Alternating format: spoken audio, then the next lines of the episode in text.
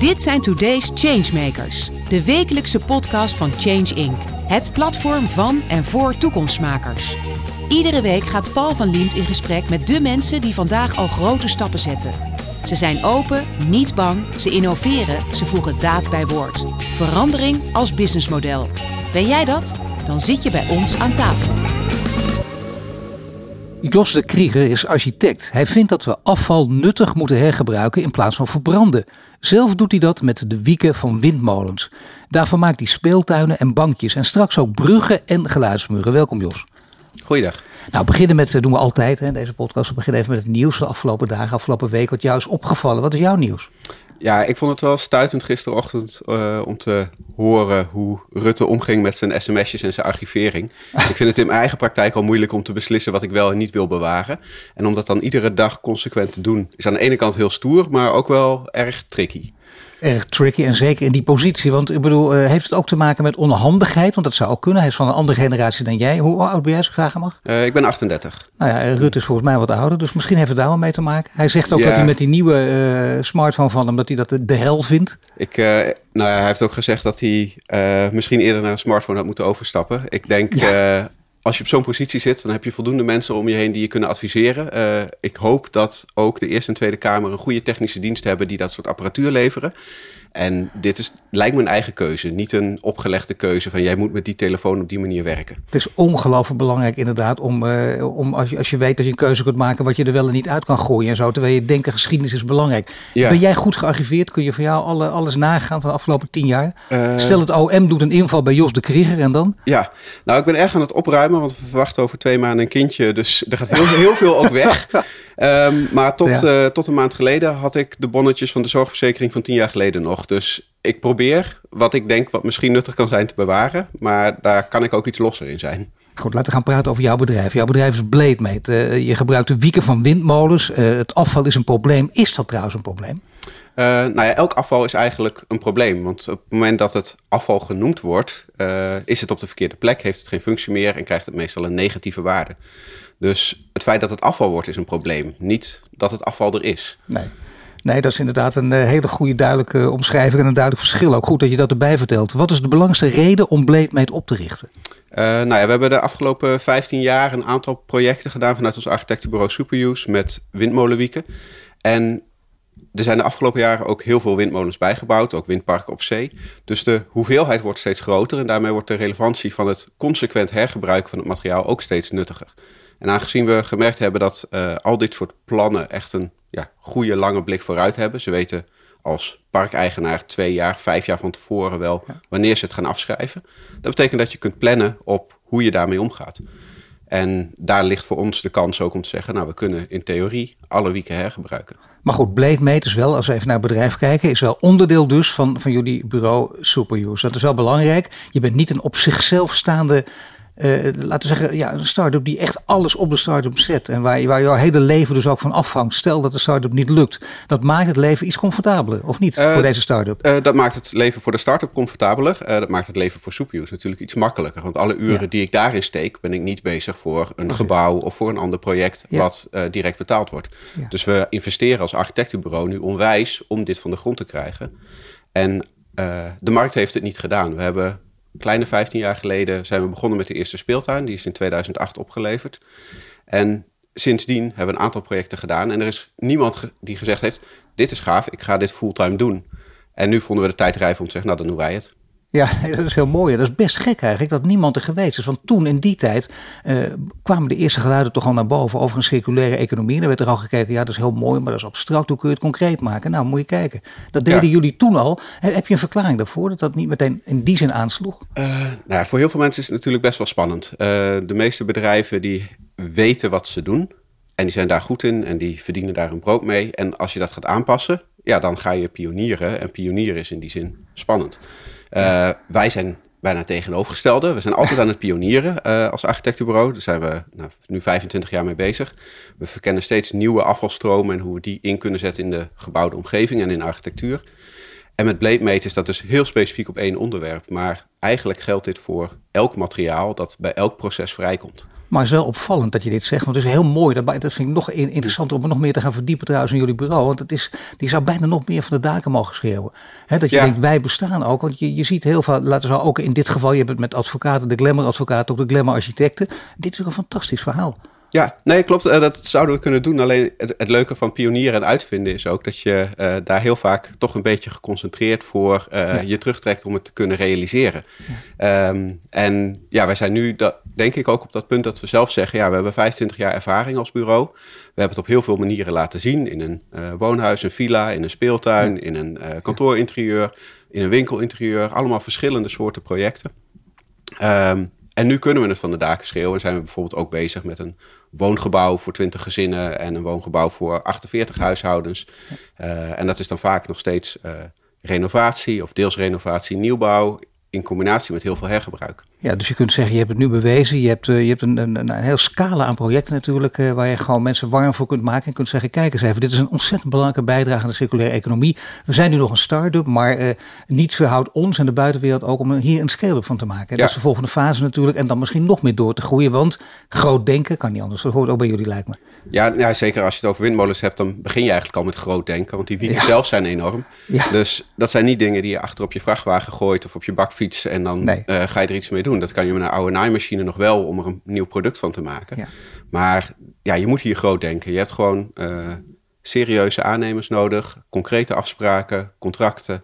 En als je Probeer alle... die maar eens te vinden, deze serieuze ja. aannemers. Met nou, serieuze nee, contracten die zich ook nog aan de termijnen houden. Ja, nou die zijn er wel. En uh, ja. De, ja, wij hebben voor de objecten die wij gemaakt hebben... een hele goede relatie met uh, GKB, een uh, familiebedrijf uit Barendrecht... die dit gewoon opgepakt heeft als een echt een uitdaging. En dat, ja, nu kan ik zeggen specialist is hierin. en voor ons dus ook de preferred partner om dit soort dingen op te pakken. Dat is wel een belangrijke les trouwens, die hier ja. meteen ook op tafel legt. Want dat hoort wel bij elkaar. Dat vreselijke woord de keten, maar je moet wel even kijken welke partners je allemaal nodig hebt. Daar dus ook een soort duurzame relatie letterlijk mee opbouwen. Ja, nou en die keten is natuurlijk veel groter. En we zijn daar nu ook mee bezig om die keten goed op te zetten. Dus we spreken zowel met de eigenaren van windparken als de partijen die uh, de windparken afbreken, want dat is een andere partij, dus de decommissioner, uh, de aannemer die het kan verwerken, maar ook een mogelijke opslaglocatie daartussenin, want het is ook niet iets wat je even in je achtertuin legt. En het is ook niet altijd zo dat je het direct van de windmolen kunt nee. verbouwen en ergens plaatsen. En je hebt natuurlijk met de overheid te maken, die uh, alles goed moet faciliteren. Ja, ja, op zich wel, maar aan de andere kant ook weer niet zo. de overheid stelt natuurlijk de regels en de kaders waarbinnen je kunt werken. Um, maar als die duidelijk zijn, dan... Ja, de speeltuinregelgeving bijvoorbeeld is bekend. Daar kunnen wij mee werken. Daar hoeven we niet mee te gaan onderhandelen of te Nou, ik moet eerlijk zeggen, daar was ik niet zo goed in thuis. Dat die okay. bekend is. Maar nee, maar dat is goed ja. om te horen. Nee, maar dat betekent dus nou, dat, dat is heel prachtig, prachtig werk. Omdat je vaak met projecten begint op andere terreinen. En dan hoor je, de, ja, maar de overheid moet faciliteren en doet dat niet. We hebben geen idee, maar de kaders ja. voor jullie zijn dus op dit gebied heel duidelijk. Op dit gebied vind ik ze tot nog toe redelijk duidelijk. Uh, er zijn ook heel veel andere vlakken waar het minder duidelijk is. En er zijn nog steeds heel veel dingen. Uh, als architectbureau hebben we ook mede geïnitieerd uh, dat we graag een belastingverschuiving willen zien. Dus dat materiaal duurder wordt in verhouding en arbeid goedkoper. Ja, dat is een logische prikkel. Ja, daardoor krijg je in principe meer handen beschikbaar die nuttig werk kunnen doen en ja. daar ook goed voor beloond worden. Uh, en wordt het dus ook ja, waardevoller om her te gebruiken, want materiaal afdanken wordt duurder en nieuw materiaal wordt duurder. Dus dat gat wordt groter. Ja. Uh, en dat maakt de circulaire economie makkelijker. Jij hebt uh, gestudeerd aan de TU Delft uh, met, het, met een bepaald idee natuurlijk. jij wist niet meteen, of wel, dat, dat dit architectenbureau bestond. Was dat meteen jouw droom toen je 18, 19 was? Of is dat langzamerhand in, in jouw brein vastgenesteld? Um, nou, toen ik nou ja, op de middelbare school zat, heb ik een hele bewuste keuze gemaakt voor een techniekprofiel, omdat ik bouwkunde wilde doen. Uh, en nog niet eens zozeer omdat ik architect wilde worden, maar wel omdat ik dacht, nou, dat vind ik een interessant speelveld. Er is daar heel veel te beleven. Ik kan zowel historicus worden als theoreticus, ja. als constructeur, als architect, als fotograaf. Heel veel opties. Ja, zo breed. Ja, ja uh, dus dat vind ik leuk, dat wil ik doen. En ergens in mijn studie kreeg ik een uh, lezing in de bachelor van een van de oprichters van het bureau. Dat heette toen nog 2012 Architecten. En ik dacht, hey, dit is tof wat zij doen ik ken geen enkel ander bureau dat zo werkt. Dus hier kan ik iets leren wat ik nergens kan leren. Ja. Dus ik wil daar stage lopen. Uh, en ik heb twee doelen in die stage. Ik wil iets met mijn handen bouwen, want daar kom je op de universiteit niet zo snel aan toe. Nee. En ik wil een project van concept tot oplevering ja. uh, doorleven. En uh, dat project werd de speeltuin. Dus in mijn stage zijn we begonnen met het ontwerpen met die wieken en hebben we ze gevonden. En ja, voordat die speeltuin er stond, was je anderhalf, twee jaar verder. Dus na mijn stage ben ik één dag in de week blijven hangen tot de speeltuin gebouwd kon ja. worden. En toen heb ik me afstuderen drie maanden stopgezet, zodat we in uitvoering konden. En dan heb ik mijn afstuderen opgepakt en ben ik aan de slag gegaan. Maar je bent, als ik het hoor, dan ben je wel een soort geluksvogel die op relatief jonge leeftijd wist wat hij wilde. Dat, dat, is echt, dat, is, dat is echt, zeker mensen die wat ouder zijn weten dat. Het is enorm fijn, want daar wil, je, daar wil je tot het eind van je leven en nog veel langer mee door blijven gaan natuurlijk. Ja, nee, wat dat betreft zie ik ook geen pensioenleeftijd voor me. Ik, uh, zolang ik dit kan blijven doen, ja, is dit gewoon fantastisch om op die manier naar materiaal te kunnen kijken en naar uh, materiaalstromen in de stad te kunnen kijken. En zolang ik niet fysiek hoef te bouwen, kan dat ook heel lang. Uh, dus bij wijze van spreken werk ik op mijn 80ste of 90ste, als ik er nog ben, uh, ook nog twee of drie dagen per week. Maar ik hoor in dit verhaal niet, het gaat, het gaat en draait om circulaire economie. Het gaat om, om klimaatverduurzaming, uh, alles wat daarmee te maken heeft. Speelde dat voor jou, die gedachte, om, om je daar nuttig voor in te zetten, ook al een, een grote rol? nog niet op het moment dat ik naar bouwkunde toe ging. Dat was, ik wist het vanuit mijn opvoeding natuurlijk wel. Ik heb van huis uit meegekregen dat we ons afval scheiden en dat we netjes omgaan met dat soort dingen. Eh, dat we onze fietsen repareren. Nou, dat is er heel wat. Al, al die, ja. al die basisgedachten wel. Maar uh, toen ik naar de universiteit toe ging, dacht ik: oké, okay, ik ga hoogbouw maken. Uh, torens van 100 meter, 200 meter, dat lijkt me fantastisch. Maar ja, dan ga, ga, je er meer over leren en dan ja, kom je erachter dat sommige materialen schaars zijn of schaarser worden. En dat ja, die torens niet per se de beste oplossing zijn voor de samenleving. En kom je andere dingen tegen die inspireren, zoals houtbouw en ecologisch bouwen en bepaalde ja, natuurlijke ventilatieprincipes. En dat je niet alleen maar airco's op het dak hoeft te gooien. Ja, en dan heb ik inderdaad het geluk gehad dat ik tegen een bureau aanliep uh, waar ik me thuis voelde. En waar ik een goede klik mee had. Zeg maar beide kanten op, uh, zij ook met mij. En dat ik daar inderdaad kon blijven. Want het was uh, toen ik afstudeerde crisis. de meeste van mijn medestudenten zijn niet in de architectuur beland, maar die zijn wat anders gaan doen. Ja, weet je welke kant? Of is dat heel divers? Of zijn die echt duidelijk één andere kant op gegaan? Uh, dat is heel divers. Dat kan zeg maar bij TNO zijn of uh, bij de brandweer als plantoetser. Dus dan ben je wel ja. betrokken bij de architectuur. Of dat kan onderwijsadvies zijn, zeg maar. In de zin dat je uh, scholen, gemeenschappen helpt met hun nieuwbouw. En hun programma van eisen opstellen. Dus het is heel breed eromheen. Maar het is niet het daadwerkelijke ontwerpen en bezig zijn met ja, het vak waar je toch voor opgeleid bent. Ja, het is zo mooi dat jij dat dus wel doet en dat je hier in, in die wereld nu ook van de circulaire economie beland bent. Dat je dit, dat vind ik ook een hele mooie trouwens, dat je tot je tachtigste, negentigste sowieso wil blijven doen. Dat, dat is echt het, het, het, het fijnste wat je kan hebben volgens mij. Betekent dus wel dat je denkt, wacht even, de wereld moet ook die kant op. En nu zie je wel vaak bij mensen bij wie het kwartje gevallen is, die denken dat iedereen dat dan ook weet en wel begrijpt en dat het ook die kant op gaat. Maar jij kijkt dan kritisch denk ik ook naar, naar je omgeving en naar de omgeving. Heb jij het idee dat het verhaal van de circulaire economie, uh, steden die, zich, die tot circulaire steden moeten ontwikkelen, dat het ook echt gaande is? Of gaat het heel erg langzaam? Uh, ja, het, het, gaat langzaam. Uh, maar architectuur, bouwen in het algemeen is al een traag proces. Ja. Veranderen is ook een traag proces. En als je die twee bij elkaar optelt, dan krijg je helaas een heel traag ja. proces. En ja.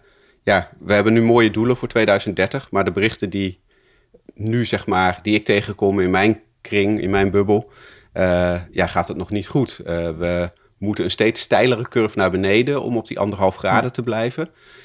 Dat is bijna onhaalbaar. We willen bij wijze van spreken, uh, als we dat daadwerkelijk willen, moeten we over vijf jaar of zo naar een total shutdown van alle activiteit om te zeggen ja. we stoten niks meer uit. Ja, dat is onmogelijk. Dus eigenlijk moeten we nu, vanaf vandaag, vanaf gisteren, uh, met alle kracht die we hebben, zoveel mogelijk energie besparen. En dat zit dus bijvoorbeeld in het niet uh, verschredderen van die wieken, wat energie kost, maar die wieken hergebruiken. Ja. Maar dat zit ook in zonnepanelen en dat zit ook in groenbeheer en dat zit ook in uh, regenwateropvang ja. en dat zit in dakrenovatie.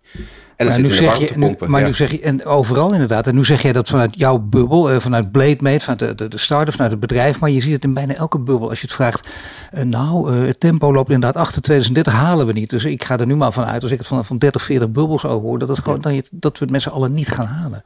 Nou, ik denk dat we het theorie wel kunnen halen. Maar het vergt wel een echte, keiharde uh, commitment van iedereen die dat in zijn eigen bubbel weet. Die drie tot tien mensen buiten zijn bubbel weet te overtuigen en daarin meegaat. En dat die ook nog weer tien mensen overtuigen ja. buiten die ja, bubbel. En dan komen we misschien op een tuurlijk. kritische massa die voldoende is. Nee, maar dat hoop ik ook. Nee, maar zo zou het ook gewoon kunnen gaan. Ja. Alleen als je naar je eigen, uh, inderdaad, dan jouw bubbel, jouw bedrijf, Bleedmeet kijkt, uh, dan zie je ook precies dus waar die hobbels liggen. Want en, en daar ben je inmiddels mee vertrouwd geraakt. Wat is daar dan nog te winnen? Um, ja, wat er te winnen is, dat is, vind, ik, vind ik een hele moeilijk. Het belangrijkste is denk ik het commitment van alle partijen die zeggen: oké, okay, we gaan proberen echt dat afval naar nul te brengen. En uh, net als bij corona, flatten the curve. We gaan zo, die piek zo lang mogelijk uitsmeren. Tot het liefst in 2100 ergens en niet in 2030 of 2050. Want ja, we hebben eigenlijk gewoon nog een beperkt budget wat we kunnen uitstoten. En daar moeten we ons aan houden. Ja, nu is het wel zo dat, uh, nee, dat is het nadeel van een beperkt budget inderdaad. Je zou liever willen dat dat echt overvloedig was. Helaas kan dat dan ook weer niet. Maar uh, het gaat wel uiteindelijk om het grote verhaal van de circulaire economie. Dat steden zich daar ook volledig aan kunnen houden op alle gebieden.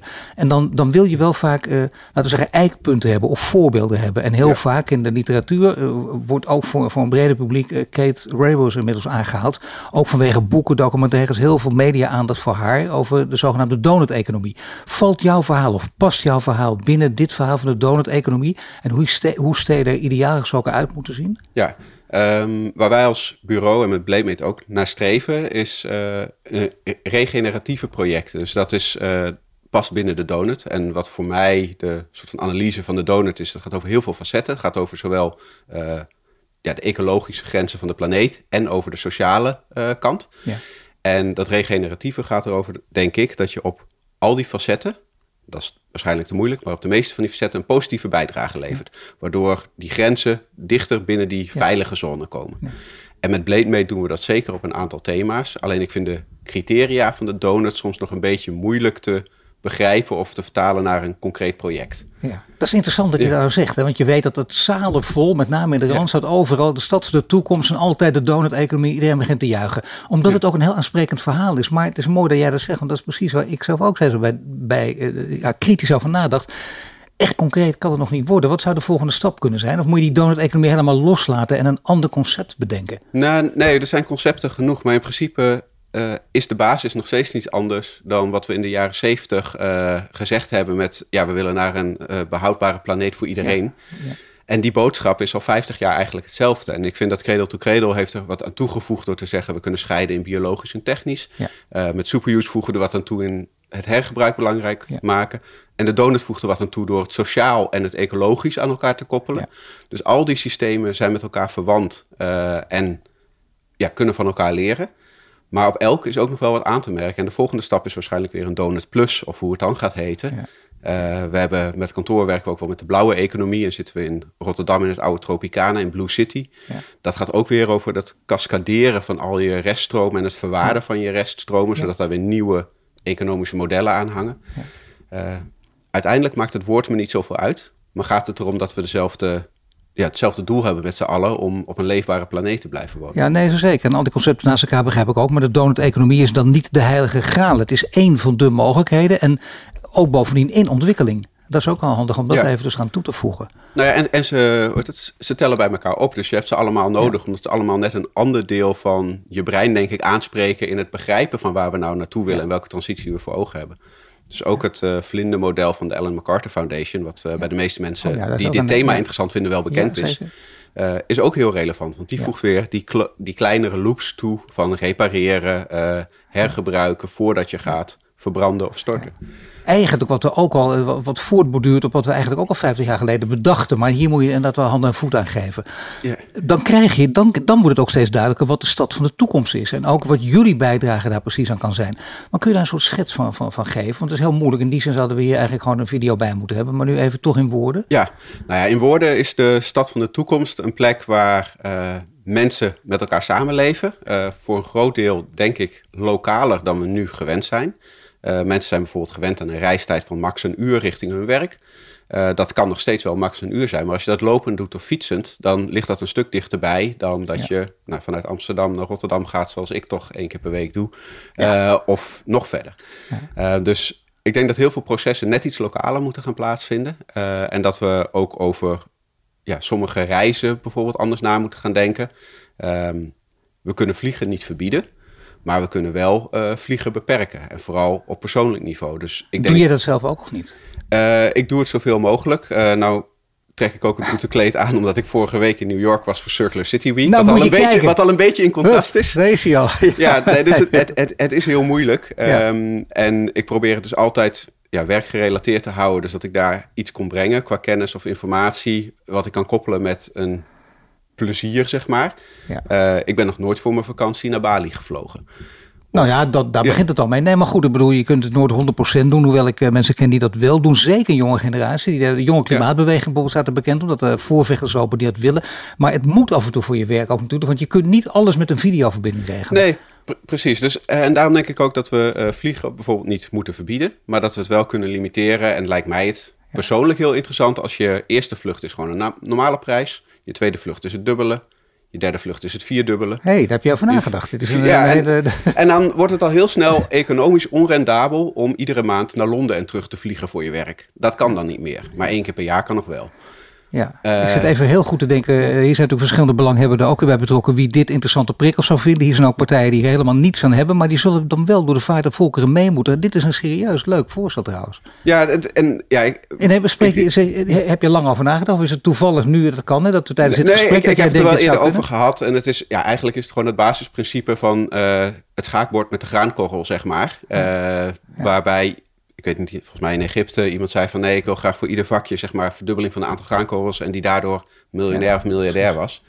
Uh, dus in 64 stappen kun je op zo'n manier heel snel in een extreme situatie belanden. Ja. Terwijl ja, dan is die luchthavenbelasting ja. of zo van 7 euro. Ja, dat voegt niet zoveel. Nee, goed, ik vergeet ook nooit meer de, inderdaad uitgaande van de 64 vakken van het schaakbord. Dat is inderdaad precies gewoon hoe je dat kunt aanpakken. Nu denk je dus, daar hadden we het over. Je denkt ook over de stad van de toekomst na. Jullie werken daar zelf nu al jarenlang aan mee. Als onderdeel van jullie architectenbureau met Blademate, met, met, ja, met, met de start-up. Maar uh, jullie zijn natuurlijk ook een commercieel bureau. Hoe kun je altijd op dat gebied verschillende belangen met elkaar in, in aanraking brengen?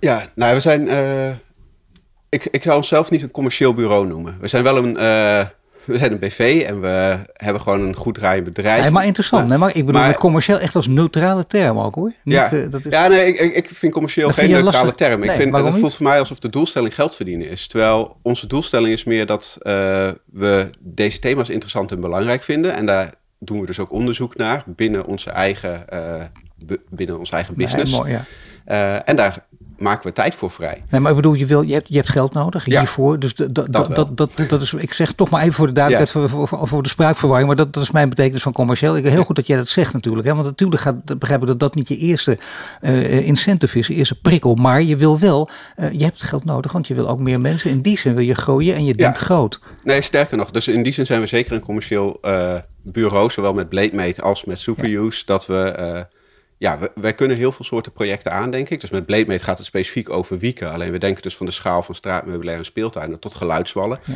En geluidswallen, als je die wil gaan realiseren, heb je al snel over uh, 2,5 tot 4,5 miljoen per ja. kilometer. Uh, ja. Dus dat zijn serieuze opdrachten. Uh, maar hetzelfde met architectuur, dat zijn ook gebouwen, dat gaat soms ook over miljoenen. En daar heb je ook gewoon veel tijd voor nodig om dat goed te doordenken. En die uren moet je wel maken en die moet je dus ook kunnen betalen, want je wil ook goede mensen. Uh, en je moet af en toe naar New York natuurlijk, en dan moet je ook kunnen betalen. Nee, maar ja, goed, bedoel, het, het, hele palet hoort daar ja, natuurlijk wel bij. Ja, gelukkig doen we dat niet zo vaak. En zijn we daarom ook uh, een bureau dat zichzelf zeg maar, een soort van splitst in kleine cellen. We hebben vanuit Superuse ook al Superuse China. Die is daar al, ook al in contact met de windindustrie daar. Um, we hebben Superuse North America, die ja. daar de dingen, meer de lokale taken zeg maar, moeten gaan oppakken, zodat we niet zoveel hoeven te vliegen. Uh, dus zo proberen we dat netwerk wel uit te breiden. Maar wel interessant wat je nu zegt. Ik bedoel, die, die heel die, dat internationale perspectief, dan heb je dus ook een beetje in de gaten. Wij denken altijd in Nederland, want als het alles wat met uh, in heel brede zin met circulaire economie, met duurzaamheid en klimaat te maken heeft, loopt Europa voorop. En die, ik begrijp die boodschap ook, want daar zijn we ook heel sterk in, om allerlei redenen. Maar uh, als jij het nu vergelijkt, waar jij mee bezig bent, is, is het dan China, Noord-Amerika, Europa? Wat is de voorloper? Um, ik weet niet of ik, ik, ik, denk dat Europa in sommige dingen wel een voorloper is, of in ieder geval voorbeeldfunctie heeft. Maar als het gaat over schaal en snelheid, dan kun je soms beter in China zijn. Uh, want daar is het eerste gesprek met een uh, eigenaar van de windparken gaat over 500 wieken. In plaats van over vijf voor één speeltuin. Ja. Uh, ja. En als je naar de VS kijkt, ja, dat is ook zo'n megamarkt. Ja. Dat is gewoon net zo groot als Europa. Het moeilijke daar is dat het ook weer op, opgedeeld is in staten en counties. En die allemaal hun eigen regelgeving hebben voor een deel. Dus ik weet nog niet of het makkelijker wordt om daar te ondernemen dan uh, hier. Nee, want dat speelt er uiteindelijk natuurlijk ja. een heel belangrijke rol. Heeft ook met die regelgeving te maken. Ja. Dan zou Europa toch ook hier weer, als het, uh, het is geen wedstrijdje, maar zou hier toch de winnaar zijn?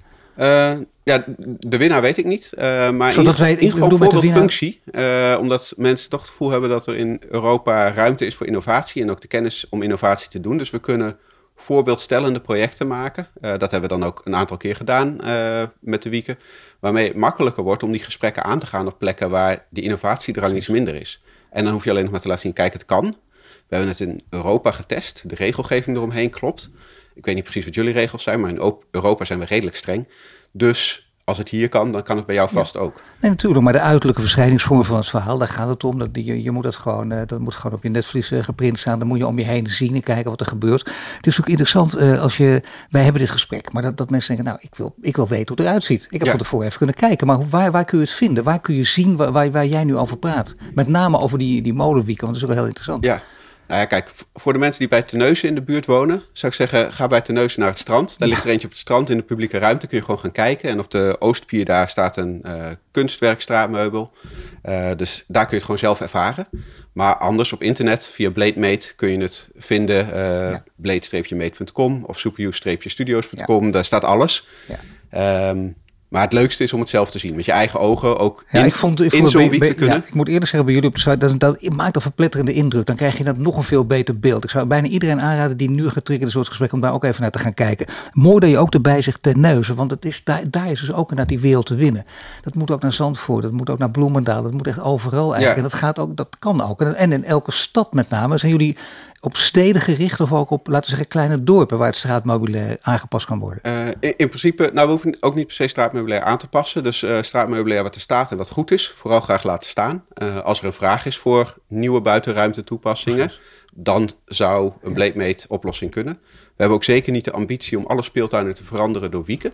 Uh, want we willen het liefst ons materiaal zo lokaal mogelijk vinden en zo lokaal oh, ja. mogelijk hergebruiken. Dus als ik kijk naar de gemeente Amsterdam, uh, vanuit de rest komen er een aantal windmolens die uh, geüpgrade gaan worden. Dat betekent dat er ook wieken vrijkomen. Ja. En die wieken zou ik het liefst in Amsterdam hergebruiken, niet in ja. Groningen. Ja. En als er een windpark ten noorden van Groningen in de zee gedemonteerd wordt, of bij IJmuiden, dat die wieken aan land komen en hier als geluidswal langs de snelweg terechtkomen.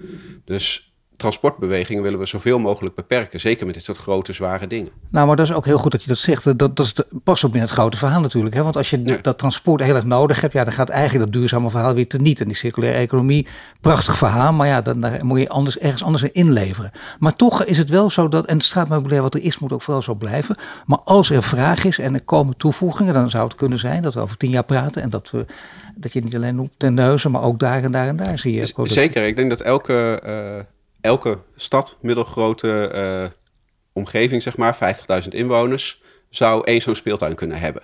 Dus in principe elke gemeente of elke uh, dierentuin, elk pretpark kan zich aangesproken voelen voor een grotere designspeeltuin. Ja. Uh, en voor straatmeubilair kan het natuurlijk overal. Bus, zeg maar de grotere busstations bij steden zijn hier, daar zijn ze ook geschikt voor. Dus ik denk dat er geen stad in Nederland is waar het niet zou kunnen. Uh, het belangrijkste is dat we nooit meer kunnen gaan maken dan er een afvalmateriaal is. Wij gaan geen nieuwe wieken maken om bankjes te maken. Uh, het afvalmateriaal is leidend. Oké, ik dank je voor dit, uh, dit mooie verhaal, uh, Jos. En uh, nou ja, het grote voordeel is ook, kijk, je hebt nog heel veel werk te doen. Echt heel veel werk aan de winkel. Maar je hebt het al gezegd, jij gaat door tot je 80ste, 90ste. Nou, ik hoop dus dat we sneller zijn dan dat. Ik vind 2030 al een flinke deadline. Dat is ja. over acht jaar. Dus misschien ja. ga ik door tot mijn 46ste. Oké, okay, dank je voor dit verhaal. Je luistert naar een podcast van Change Inc. En die werd mede mogelijk gemaakt door Achmea, Albron, Ebbingen, Renewy en Vattenfall. Bedankt voor het luisteren naar de Today's Changemakers podcast. Een productie van Change Inc. gepresenteerd door Paul van Liemt. Ben of ken jij een changemaker? Meld je dan snel aan via onze Change Inc. website. Wil je dat meer mensen geïnspireerd worden? Deel de podcast dan op sociale media. Wil je meer afleveringen luisteren? Volg ons dan nu via je Spotify, Apple Podcast of je favoriete podcast-app. En krijg een melding wanneer er een nieuwe aflevering online staat.